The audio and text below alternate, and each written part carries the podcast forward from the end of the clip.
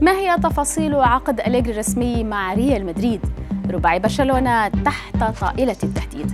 غوارديولا يغني ويدخن السيجار الكوبي في احتفالات مانشستر سيتي. إليكم أبرز أخبار الرياضة في الساعات الأربع والعشرين الماضية في دقيقتين على العربية بودكاست.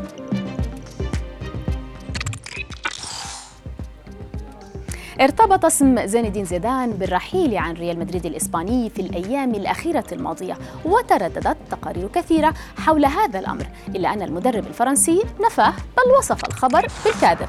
اليوم خرجت صحيفة لا جازيتا ديلو سبورت الإيطالية لتؤكد أن رئيس ريال مدريد الإسباني قدم عرضا رسميا للإيطالي أليجري مدة موسمين مع خيار التجديد لموسم ثالث. وأوضحت أيضا أن العرض رسمي ويتضمن حصول مدرب يوفنتوس السابق على 20 مليون يورو سنويا في أول موسمين مع الفريق الملكي من يصدق في هالكلام؟ الأيام كفيلة بالإجابة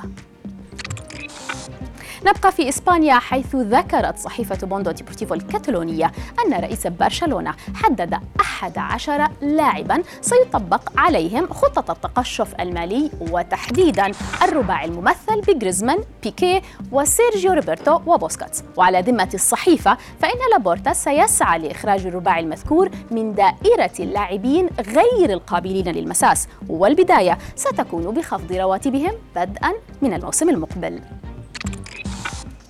ننتقل إلى إيطاليا ومقطع الفيديو الذي تداوله الناشطون على ال social media في الساعات القليلة الماضية والخاص بعملية نقل سيارات كريستيانو رونالدو من مدينة تورينو ليلا.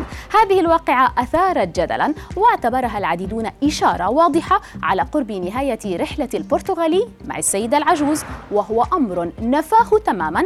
موقع فوتبول الإيطالي معللا بأن عمليات النقل تندرج ضمن استعدادات رونالدو لعطلته الصيفية المقبلة.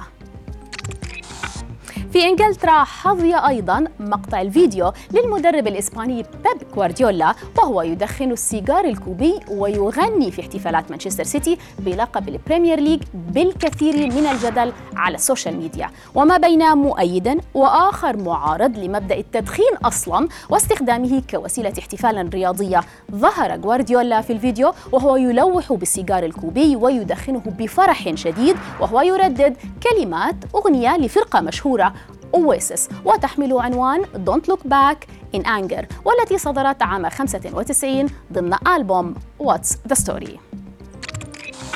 الختام مع الانتقادات التي طالت جيسي لينغارد لاعب ويست هام الإنجليزي والخاصة بخط إنتاج ملابسه.